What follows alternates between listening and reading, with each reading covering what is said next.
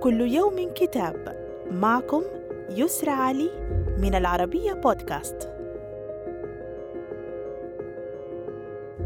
كتابنا اليوم الحركة. كيف ستغير الهجرة الجماعية شكل العالم؟ وماذا يعني ذلك لكم؟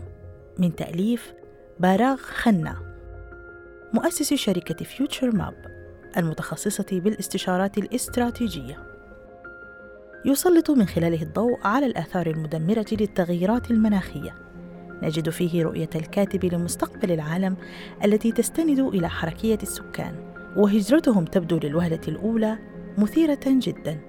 إذ إنه يرى أن الهجرة الجماعية ستشكل أهم ملامح المستقبل ما سيؤدي إلى رسم خريطة سكانية جديدة للعالم وهو يرسم صورة بحلول عام 2050 لانخفاض سواحل أمريكا الشمالية وآسيا تحت مستوى البحر بفعل الاحتباس الحراري في الأرض فيما سيعيش سكان الشرق الأوسط وأستراليا في فرن ساخن وتجف ينابيع المياه من جبال الهيمالايا.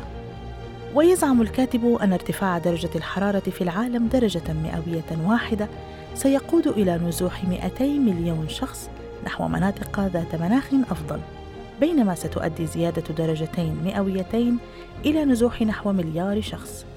ويرى أن على بلدان الشمال التي أضحت نسبة المسنين والعجزة فيها كبيرة أن تستعد لاستقبال ملايين الشباب من أنحاء العالم الساخن.